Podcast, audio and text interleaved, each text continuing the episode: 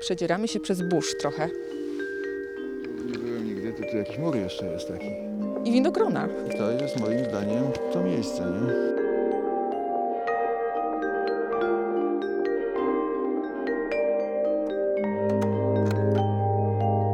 Rzeszowskie historie.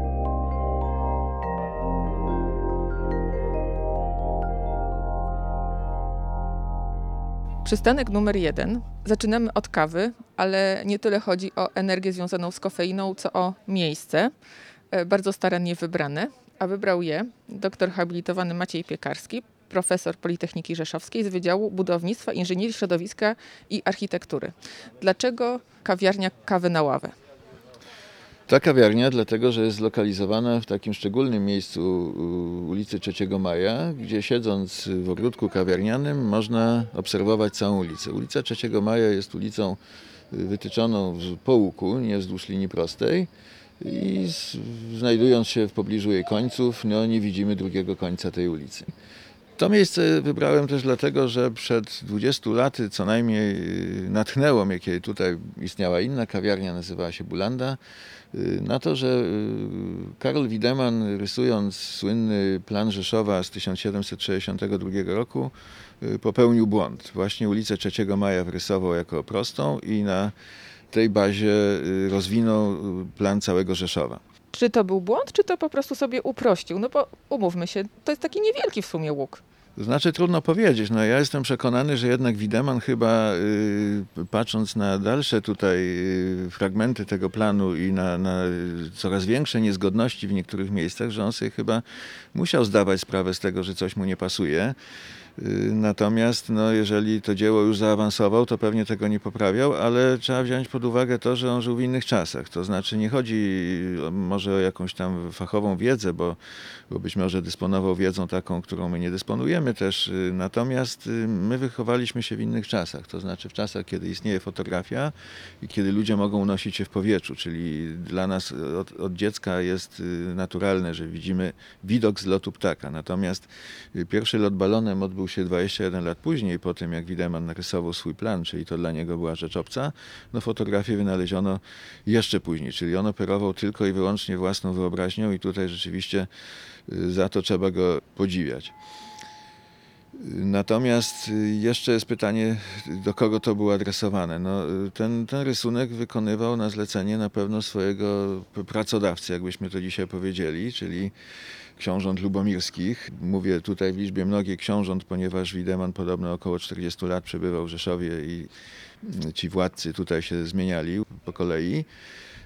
Jego pracodawca, jeszcze raz użyję tego terminu, po pierwsze wyobraźni nie miał zapewne ani takiej jak, jak Wiedemann, po drugie y, pewnie nie poruszał się po tych wszystkich zakamarkach Rzeszowa, także nikt tego błędu nie zauważył i do dzisiaj chyba tych błędów tutaj, y, o których ja jeszcze chcę powiedzieć i które będą jak gdyby tutaj motywem tego spaceru y, się nie zauważa. To jak duże znaczenie miało to, że Wiedemann narysował 3 maja, no wtedy jeszcze nie 3 maja, prostą, a nie po łuku?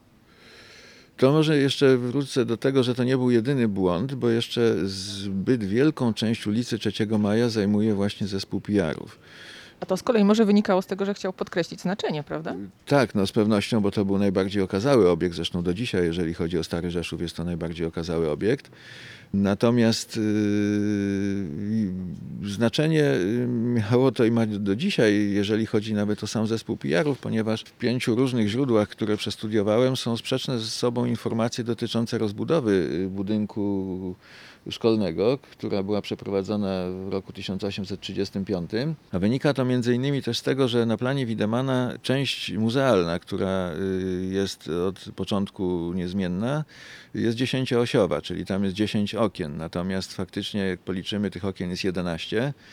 I tutaj różni autorzy później no, opierali się na tym, że Wiedemann jednak tam nie popełnił błędu i, i snuli teorie dotyczące rozbudowy drugiej części, czyli budynku kolegium. Natomiast z tego wynika, jeżeli chodzi o sam plan Widemana, to z tego błędu wynika nadmierna wielkość ogrodów, które się rozciągają za zespołem pijarskim oraz y, obecność ulicy, która może zastanawiać, która jest za ogrodzeniem y, ogrodów. Y, Ona jest jak gdyby przedłużeniem ulicy Dymnickiego. Natomiast faktycznie jest to moim zdaniem ulica Różana, która istniała pod taką nazwą jeszcze w okresie międzywojennym, natomiast do lat 70. XX wieku przynajmniej jedna pierzeja była jeszcze istniejąca i znajdowała się mniej więcej, no znaczy w tym miejscu, gdzie dzisiaj jest obecny hotel Metropolitan, czyli budynek znany wcześniej jako Pasaż Rzeszów, Pasaż Agora. Po prostu Widemanowi zabrakło miejsca na planie na wrysowanie tej ulicy, natomiast tutaj chyba trzeba przyznać, że on był dość staranny i skrupulatny, jeżeli chodzi o zaznaczenie wszystkich obiektów, to znaczy pewnie y, liczba tych, tych budynków, które tam widzimy, rzeczywiście była zgodna z prawdą. No bo ten stan posiadania chyba musiał się zgadzać, prawda? Właśnie dla tego pracodawcy.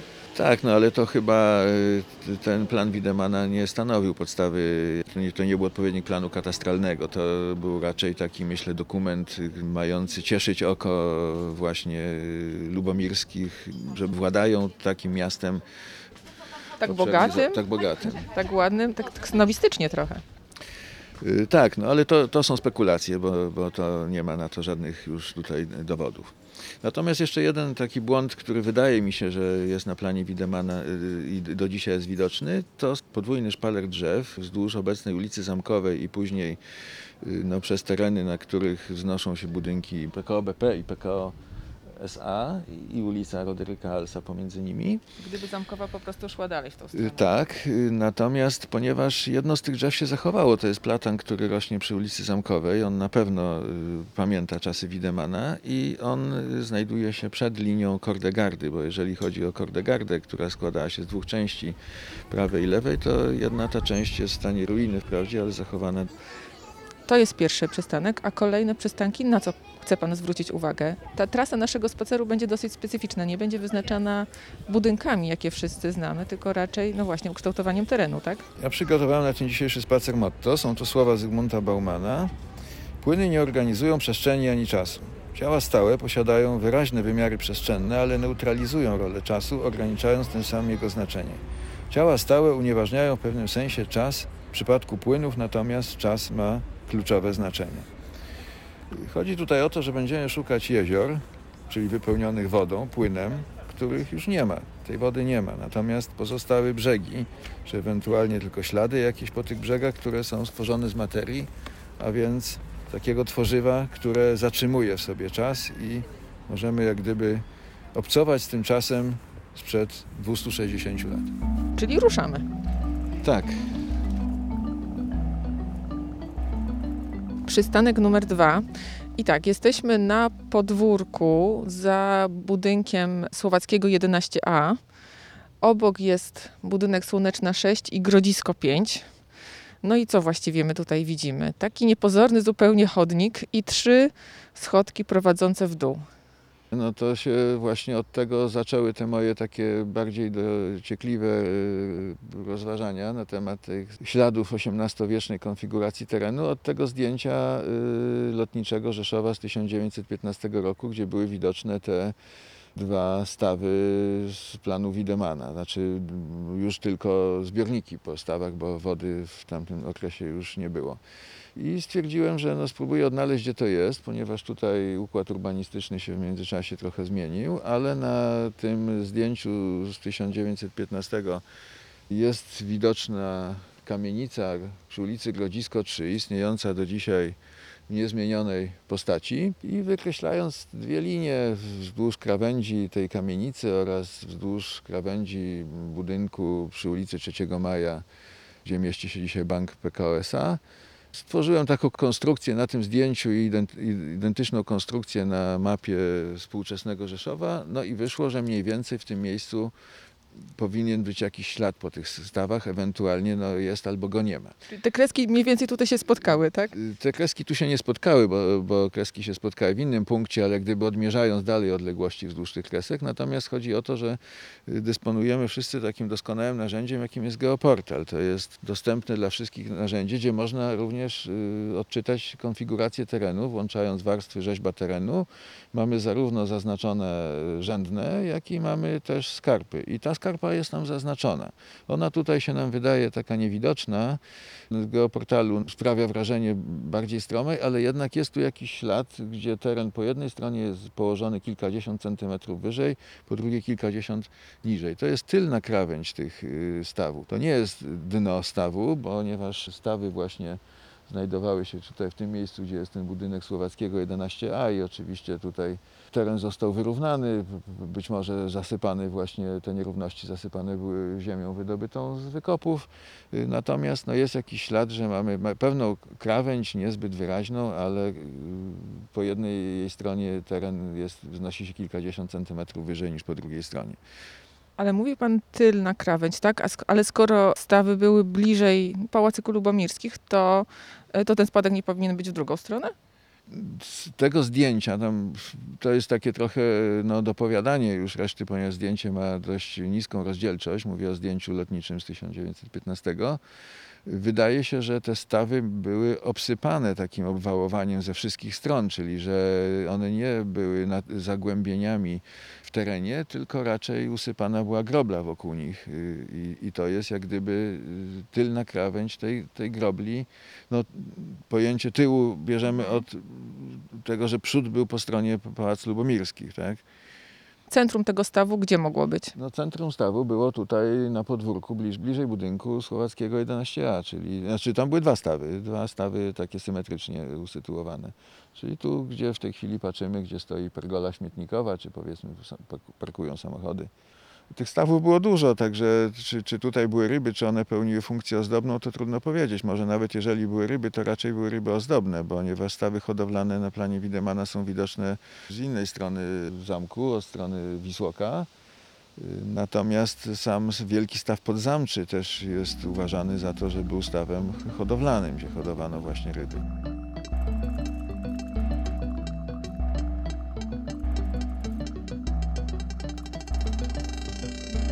Przystanek numer 3 i trafiliśmy na tyły ulicy Dąbrowskiego między ulicami Chodkiewicza, Placem Śreniawitów i Hetmańską.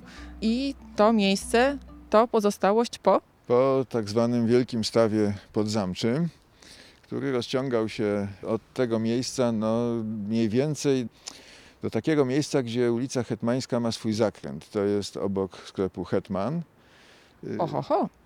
Tak, y, tutaj są też takie teorie, dwie różne chyba, a może one obie są prawdziwe, y, że ten staw był zasilany zarówno wodami rzeki Mikośki, poprzez y, stawy, które, takie malutkie stawki, które są widoczne na planie Widemana, znajdowały się pomiędzy tak zwanym małym stawem podzamczym, a właśnie tym stawem. A z drugiej strony jest teoria przedstawiona przez pana Heniga, że zasilała ten staw rzeczka Rutka, która też była nazywana rzeczką, takim terminem się posługuje pan y, Franciszek Kotula. Moim zdaniem mogło być tak, że Rutka zasilała ten staw w stanach takiej wody powodziowej, ale mogę się mylić. Ja pamiętam jeszcze rzekę Rutkę, y, która płynęła w takim głębokim wąwozie. Poza tym y, to jest jeszcze widoczne na mapach nawet z 1966 roku. I no, niewątpliwie lustro wody w tych latach znajdowało się poniżej tego miejsca, gdzie my jesteśmy i, i tych rzędnych tutaj. Y, Natomiast jeżeli przychodziła woda powodziowa, mogła to rzeczywiście zalewać, ponieważ staw się rozciągał mniej więcej, mówię, do miejsca, gdzie dzisiaj jest sklep Hetman. Y, Natomiast dalej ciągnęła się łąka i ta łąka ciągnęła się do miejsca, gdzie jest obecnie piąte liceum ogólnokształcące. Łąka była niezabudowana aż do lat 50. XX wieku, z czego można wnioskować, że to, był to teren zalewowy. Mimo, że te rzeczki, takie jak Mikośka czy Rutka, były małymi strumykami, to z czasów współczesnych również wiemy, że podczas jakichś ulewnych deszczy, czy to Mikośka jeszcze do niedawna, czy Młynówka w Rzeszowie nadal stają się dokuczliwe i, i mogą stwarzać y, problemy. Wschodni brzeg stawu to jest obecna ulica Lenartowicza, tutaj wszyscy są co do tego zgodni. Y, Natomiast istnieje jeszcze taki ślad już widoczny tylko znowu w geoportalu, gdzie jest warstwa z podziałem na działki. Te działki czasami jeszcze jakieś takie się pojawiają, które mają swoje kształty sprzed y, lat 100 na przykład. Od obecnego skrzyżowania ulicy Lenartowicza z ulicą Bulwarową biegła ulica Chrobrego w okresie międzywojennym i w zasadzie do lat 60. XX wieku. I ona właśnie biegła tym brzegiem, y, jak gdyby tą groblą ograniczającą staw i dochodziła do ulicy Hetmańskiej, mniej więcej w tym miejscu, gdzie właśnie jest zakręt ulicy Hetmańskiej, czyli tam, gdzie jest obecnie sklep Hetman. A to miejsce, gdzie my teraz jesteśmy, to jaka to jest wysokość nad y, poziomem morza? To jest 202 metry nad poziomem morza, natomiast wysokość ulicy, rzędna ulicy Dąbrowskiego y, tutaj w pobliżu to jest 207 metrów, czyli jest tu najbardziej widoczna ta różnica, bo jest tu około 5 metrów. No i to widzimy, jeżeli schodzimy zarówno po schodkach z ulicy Dąbrowskiego w ulicę Chodkiewicza, jak i jest takie tutaj przejście między kamienicami z placu Śreniawitu, właśnie w to podwórko, w którym się obecnie znajdujemy.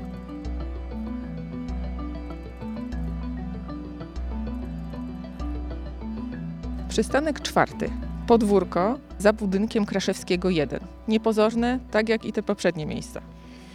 Y, Tak, no tutaj to jest taka y, moja hipoteza, która no, nie dałbym sobie palca uciąć, że jest w 100% pewna, ale y, na planie Widemana pomiędzy tak zwanym małym stawem podzamczym a wielkim stawem podzamczym widzimy jeszcze dwa takie oczka wodne, symetrycznie rozmieszczone y, w stosunku do siebie i moim zdaniem jest tu ślad po jednym z tych oczek.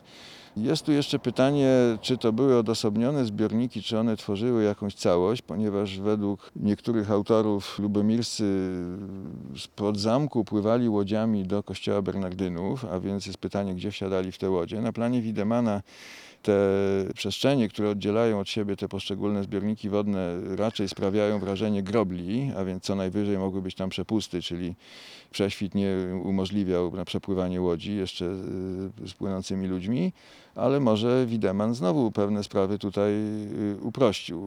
W każdym bądź razie wydaje mi się, że poziom lustra wody tutaj musiał być wyższy niż w wielkim stawie podzamczym, o którym mówiliśmy w poprzednim y, przystanku. No jest tutaj w tym podwórku widoczna różnica wysokości. W jednym miejscu to jest może kilkadziesiąt centymetrów, no w innym miejscu powyżej jednego metra i jakiś jest powód, że, że tutaj było wyżej i w innym miejscu było, było niżej. Także raczej jest to ślad y, po tym zbiorniku, aczkolwiek y, samo podwórko no jednak ewidentnie wskazuje na to, że tu nastąpiły przekształcenia, czyli tu jest parking y, dla samochodów i ten parking na pewno znajduje się na gruncie, który był tu nawieziony pewnie w czasie, w którym budowano te, te budynki. One pochodzą chyba z lat 50. XX wieku. No ale te garaże za nami już stoją zdecydowanie niżej, tak jak pan powiedział, no pewnie ponad metr no niżej. Właśnie jak zaglądamy w to podwórko od strony ulicy Unii Lubelskiej, bo tam można zajrzeć, to tam widzimy właśnie tą niższą część. Ale my weszliśmy tu od strony ulicy Kraszewskiego przez bramę i tu jeszcze jest takie kilka schodków, 1, 2, 3, 4, 5, 6, 6 stopni, czyli to jest około 90 centymetrów pomiędzy budynkiem przy, znajdującym się przy ulicy Dąbrowskiego, a podwórkiem, tym miejscem, na którym my stoimy.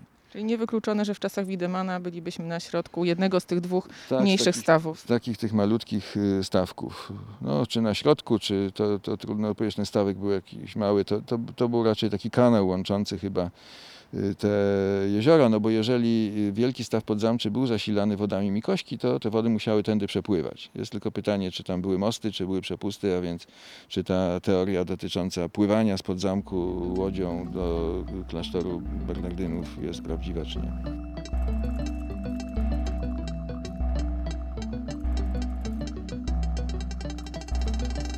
Przystanek piąty, to panu teraz oddaję głos. Pomiędzy budynkami Jagiellońska 31. 31, a Poniatowskiego 6. Jest tu taka no, nie, małe, słabo widoczna krawędź, czyli różnica wysokości terenu wynosząca też kilkadziesiąt centymetrów, no może około jednego metra. I my w tej chwili stoimy na, w tej niższej części, czyli na dnie dawnego małego stawu podzamczego. Natomiast skąd y, wynika to moje przekonanie, że tu akurat była krawędź z małego stawu podzamczego, wynika ono z nałożenia na siebie planu katastralnego Rzeszowa z 1849 roku, który jest dość dokładny, wtedy już metody ge- geodezyjne były w miarę dokładne, na aktualną mapę Rzeszowa. Y, No i to wychodzi prawie dokładnie w tym miejscu. Tam na tym planie z 1849 roku widać jeszcze takie wszystkie te zaokrąglenia działek, ale to wynikało z konfiguracji terenu, które widzimy na planie Widemana, czyli tutaj w rejonie dzisiejszej ulicy Poniatowskiego znajdował się folwark zamkowy. No i śladów już po tych zabudowaniach to raczej nie ma, ale jeszcze są dostrzegalne ślady y, w konfiguracji terenu. Czyli innymi słowy, to obniżenie, gdzie jesteśmy, to już jest ten e, mniejszy staw, tak? mały- A, a, a, na, a, na- a naprzeciwko, a przed nami to jest teren folwarku. A przed nami jest teren folwarku. No to tak trzeba obrócić to zdjęcie. Oczywiście nie widać tego, co ja w tej chwili robię. I my stoimy sobie gdzieś tutaj. To niesamowite, że to obniżenie, no tak jak pan mówi, tak, że, że, że na tych starych mapach to jest dokładnie w tym miejscu, gdzie teraz też to obniżenie, no w sumie jak mi pan powiedział, to ja to wyraźnie widzę. Tak, no na mapach tam nie ma oczywiście warstwy z terenu, bo to jest plan katastralny, czyli w zasadzie no, mający znaczenie dla celów fiskalnych, a więc chodzi o podział na działki, ale te działki no, również były, ich, ich konfiguracja jak gdyby przestrzenna wynikała z ukształtowania terenu. Po prostu jeżeli wcześniej tam była woda, no to ona stanowiła jakąś odrębną nieruchomość. I ten staw zasypywano, zasypywano, ale jednak jakieś obniżenie zostało. No tak, to na pewno dno było oczywiście niżej, bo te stawy jednak to nie miały tam głębokości kilkudziesięciocentymetrowej, ale one były zasypywane gruntem y, wywożonym z wykopów y, pod nowe wznoszone budynki, z wykopów pod fundamenty czy pod piwnice. Trzeba pamiętać, że w tamtym czasie jedynym transportem był transport konny, a więc dzisiaj również buduje się budynki z jeszcze głębszymi wykopami, mamy parkingi podziemne, tylko ten grunt jest wywożony poza miasto, natomiast wtedy on był wywożony niedaleko. No a z drugiej strony właśnie jeżeli ten Rzeszów y, tak niewielki otoczony był wodą, no to trzeba było tą wodę zasypać, żeby uzyskać nowe przestrzenie pod zabudowę.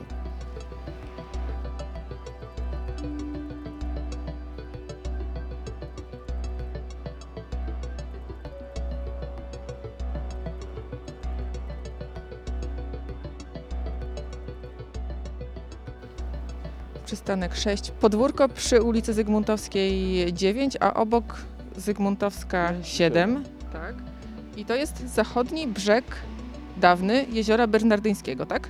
Tak, to znaczy podwórka są na dnie tego jeziora, ale tutaj widzimy nie tylko tą różnicę y, poziomów, znaczy może różnicy poziomów to nie widzimy, bo żeby ją zobaczyć to trzeba z dwóch stron zajść, czyli widzimy budynki, w tej chwili jesteśmy przy Zygmuntowskiej 9, a więc mamy garaże, które są dwukondygnacyjne i wjazd do garaży znajdujących się na tej wyższej kondygnacji jest od strony ulicy Lisa Kuli i on się tam odbywa poziomo, czyli y, widać różnicę, że Lisa Kuli jest położona wyżej o wysokość no, około 2 metrów, bo to jest e, mniej więcej, czy nawet ponad 2 metry wysokość garażu wraz ze stropem. Natomiast tu jest jeszcze to charakterystyczne, że te budynki stoją dokładnie w, w miejscu dawnych stajen zamkowych i ten O których między innymi Franciszek Kotula tak, pisał. Franciszek Kotula w ogóle pisze o tym terenie na stajniach, być może tak jeszcze w czasach, kiedy on żył, a zwłaszcza pamiętał lata takie jeszcze nawet okres międzywojenny czy wcześniejsze lata, tak się to mówiło, bo ta zabudowa istniała. Ta zabudowa została generalnie e, zniszczona, no, kiedy zbudowano rzeszowskie zakłady graficzne. Y, Tutaj po drugiej stronie ulicy blok mieszkalny. Natomiast y, ja do tego doszedłem na podstawie analizy zdjęcia, znaczy porównania jak gdyby zdjęcia lotniczego z 1944 roku, które można odnaleźć w internecie, z aktualną mapą z geoportalu, że stoją budynki dokładnie w miejscu tamtych budynków. Natomiast y, czy na zdjęciu z 1944 roku były dokładnie stajnie jeszcze z czasów lubomirskich, to też nie wiem, ale mamy jeszcze pośrednio właśnie chociażby ten wspomniany już plan katastralny z 1849 roku i położenie tych wszystkich budynków na tych wszystkich dokumentach jest niezmienne. To może nie są te same budynki, ale położone dokładnie w tym samym miejscu. Natomiast na pewno to, o czym pan tutaj, na co pan zwrócił uwagę na początku, czyli usytuowanie garaży i to, że na dolną kondygnację jest wjazd od strony ulicy Zygmuntowskiej, a na tą górną kondygnację jest wjazd od strony ulicy Lisakuli, to bardzo wyraźnie pokazuje tą różnicę i ten Krawędź- spadek krawędź terenu. jeziora, no oczywiście jezioro wiadomo, że miało brzegi niepionowe i nie- nie- nieuregulowane, zresztą pewnie też w- przy różnym stanie wód one się zmieniały, zarośnięte może były jakimiś szuwarami, no ale, ale jest to jakiś tutaj ślad jeszcze po tej różnicy wysokości.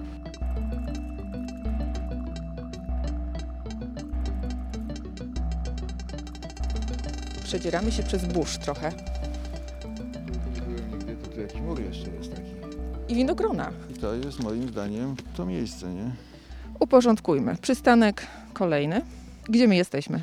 Weszliśmy od ulicy Zygmuntowskiej. Ja nie pamiętam, jaki to jest numer, to jest przez parking PZU. Natomiast znajdujemy się w tej chwili tuż przy ogrodzeniu budynku, który ma adres ulica 3 Maja 12A. To jest taki budynek mieszkalny za budynkiem Narodowego Banku Polskiego. I tutaj teren jest taki mocno porośnięty różnymi zaroślami, rośnie drzewo. Trudno się tu y, odnaleźć, y, znaczy właściwą konfigurację terenu zobaczyć i, i konfigurację działek, która jest prawdopodobnie też widoczna poprzez ogrodzenie. Natomiast jest to doskonale widoczne na geoportalu, gdzie mamy warstwę z podziałem na działki. I tutaj ta linia ograniczająca działki posesji położonych przy ulicy 3 Maja jest tak charakterystycznie wybrzuszona. I moim zdaniem jest to wybrzuszenie widoczne na planie Widemana. To jest Y, taka altanka, czy co to, to jest? jest tutaj wiatrak akurat na planie Widemana, natomiast y, pan Franciszek Kotula y, pisze, że to na pewno wcześniej była jakaś baszta obronna. On troszeczkę chyba mylnie lokalizuje to na posesji 3 maja 8, ponieważ według mnie, jeż- jeżeli to jest ta pozostałość, to to jest 3 maja 10. Y, W każdym bądź razie Tutaj może nie tyle chodzi o zachowanie y, tej konfiguracji terenu, bo tu w tym miejscu, gdzie stoimy, to jakiejś takiej wyraźnej różnicy wysokości nie ma, natomiast zachowanie no, jak gdyby kształtu tego jeziora poprzez linię y, podziału działek no, do, zachowaną do dzisiaj. To Która się przejawia w postaci tego tutaj ogrodzenia Tak, i tego muru, i tak, który właśnie jakiś mur, zobaczyliśmy. tak, tylko już tam chyba nie będziemy się przedzierać przez te zarośle, żeby go dotknąć. I sto, rośnie tu drzewo takie. To drzewo właśnie, bo drzewa również są w geoportalu zaznaczone, więc wydawało mi się, że ono jest właśnie w tym miejscu, gdzie tutaj na planie Widemana znajduje się ten wiatrak. Czyli cały czas jesteśmy, jakby idziemy wzdłuż tego brzegu Teraz jesteś- jeziora, tak? Tak, Tylko teraz, teraz jesteśmy na wschodnim brzegu jeziora, bo przy Zygmuntowskiej w poprzednim przystanku byliśmy na brzegu zachodnim. No, mam wrażenie, że tutaj mało kto e, zagląda, tak? Bo to jest teren właściwie prywatny i to jest taka enklawa zieleni w centrum miasta. Tak, to jest największa enklawa zieleni.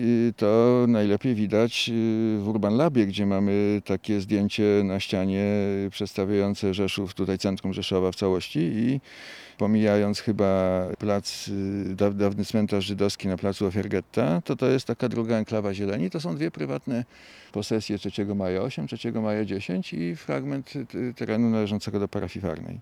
Teren, na, na którym się znajdujemy, to jest znany również pod pojęciem żabnika, to znaczy pewnie dzisiaj tym terminem nikt się nie posługuje, ale używa go Franciszek Kotula w swojej książce Tamten Rzeszów.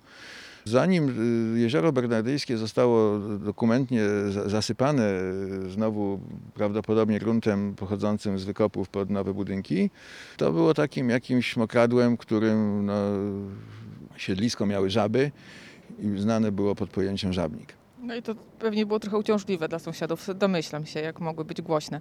No to dlatego zasy, zasypano to i dzisiaj już tu wody żadnej nie ma. Ja mam ochotę na te winogrona. Słodkie. Nie chce pan? No, mogę spróbować. To w którą stronę teraz? Zdjęcie tu powinien się zrobić, nie?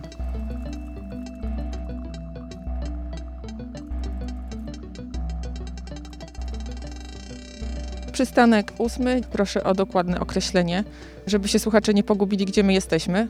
Jesteśmy w podwórku prawdopodobnie należącym do kamienicy Fircowskiego 3, ale tutaj nas interesuje bardziej kamienica przy ulicy Fircowskiego 5. To jeszcze dodajmy też, że widzimy tył kina Zorza. Tak, widzimy tyłki na zorza. No wejście jest od ulicy Fircowskiego, tu jest, są pe- pe- pewne zabudowania w budynku. Tutaj widoczna jest po pierwsze granica dawnego jeziora i ona jest widoczna również w rzucie budynku przy ulicy Fircowskiego 5, ponieważ ten budynek nie ma bocznej ściany prostopadłej do ściany frontowej oraz tylnej, tylko jest zbudowany na kształcie trapezu, a teoretycznie no, można powiedzieć, że, że nie było takiej potrzeby, ponieważ on tu nie przylega tą ścianą do innego budynku. Natomiast to wynika z podziału geodezyjnego, który jest tutaj no, niezmienny od stuleci. Zaś sama krawędź jeziora jest widoczna, ponieważ podwórko tego budynku jest położone, no ja myślę, że tak na oko z półtora metra Albo nawet albo troszkę nawet więcej. trochę więcej poniżej tego miejsca, na którym my stoimy. To znowu jest pionowa krawędź, ona wtedy nie była na pewno pionowa, kiedy tu było jezioro bernardyńskie, Y, no ale ta różnica wysokości terenu wynika właśnie z położenia tego jeziora, y, które znane jest z czasów planu Widemana. Pechowo na zdjęciu tego nie widać zbyt dobrze, więc najlepiej tutaj przyjść, żeby się przekonać o tym. Tak, no to oczywiście ja myślę, że, że, że te spacery w formie takiego słuchowiska no, są po to, żeby zachęcić do spaceru już takiego osobistego na miejsce.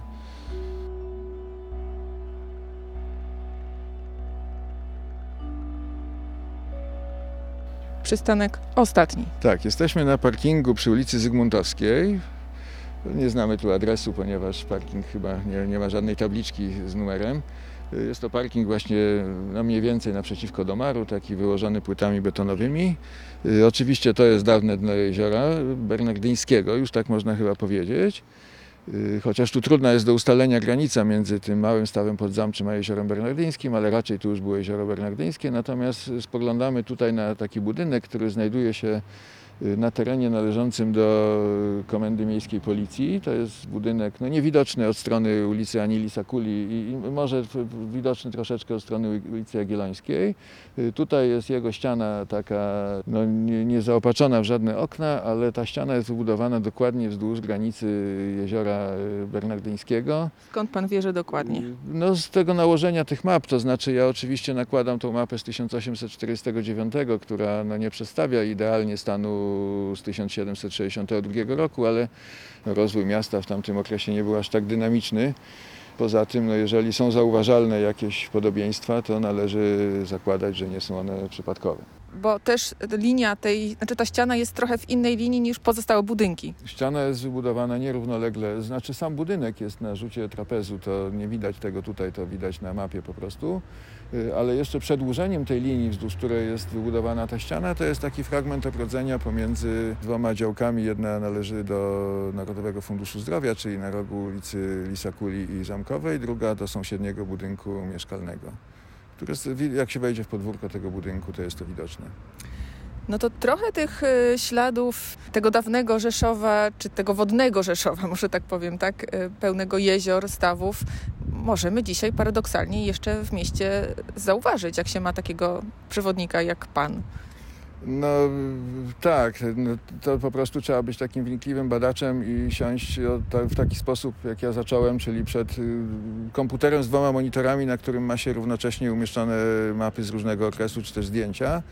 No te ślady są wszystkie w podwórkach, także raz, że codziennie gdzieś tu podróżując po Rzeszowie się nad tym nie zastanawiamy, dwa, że, że nie widzimy. Oczywiście pewna świadomość wydaje mi się, że wśród osób zainteresowanych Rzeszowem jest, gdzie było to jezioro bernardyńskie. Jak ktoś się przyjrzy chociażby ukształtowaniu ulicy Jagiellońskiej, to widzi, że na skrzyżowaniu z ulicą Zygmuntowską jest ona położona zdecydowanie niżej niż na y, skrzyżowaniach z sąsiednimi ulicami. Natomiast takie wyraźne krawędzie, no to właśnie my chodzimy po podwórkach dzisiaj i, i tu tych podwórek się nie ogląda, a poza tym ta wędrówka jest oparta na analizie mapy, przede wszystkim geoportalu, gdzie są różne informacje na różnych warstwach, ale również map y, archiwalnych, dostępnych y, w internecie, ponieważ ten plan z 1849 roku, on jest, o ile pamiętam, zdigitalizowany i dostępny. Już nie trzeba jechać do archiwum i tam oglądać tej mapy, tylko, tylko można ją sobie obejrzeć również w domu na własnym komputerze. Ja rozumiem też, że to jest taka praca, która tak zupełnie się jeszcze nie skończyła, to znaczy tych drobnych elementów, które potwierdzają ten przebieg granic e, stawów jezior, może pan e, cały czas odkrywać jakieś kolejne, No, znając pana naturę. Pewnie tak. Poza tym pewnie są jakieś w ogóle takie miejsca, do których się w ogóle dojść nie da, albo są one są zarośnięte gdzieś jakąś roślinnością, albo wchodzi się przez powiedzmy bramę, która jest zamykana i jest nie, niedostępne to miejsce, także wchodzimy tam, gdzie, gdzie możemy dojść. I tak właśnie, nieco chłostani wiatrem, razem z doktorem habilitowanym Maciejem e, Piekarskim, profesorem Politechniki Rzeszowskiej, zakończyliśmy nasz spacer. Mam takie wrażenie, że odwiedziliśmy naprawdę niezwykłe miejsca. A może trochę inaczej. Miejsca zwykłe, wielokrotnie widziane, niczym się niby nie wyróżniające, ale tak naprawdę te historie, te opowieści na ich temat są niezwykłe, niezwyczajne i, i sprawiły, że ja już inaczej będę od teraz je traktować, te wszystkie podwórka i zaułki. No i mam nadzieję, że nie tylko ja. Żeby ułatwić e, wszystkim słuchającym zorientowanie się w temacie, przystanki, na których zatrzymaliśmy się, zostały sfotografowane. Dodatkowo pan profesor zaznaczył je na mapach, zarówno na mapie Widemana, jak i na mapie współczesnej. I zdjęcia i mapy są umieszczone na stronie rzeszowskiehistorie.pl i teraz powinno być naprawdę łatwo przyporządkować opisy do konkretnych miejsc. Polecamy e, spacer wirtualny, ale polecamy przede wszystkim spacer pieszy śladami wodnego Rzeszowa, no i mapy kapitana Karola Widemana wykonanej przez niego w roku 1762.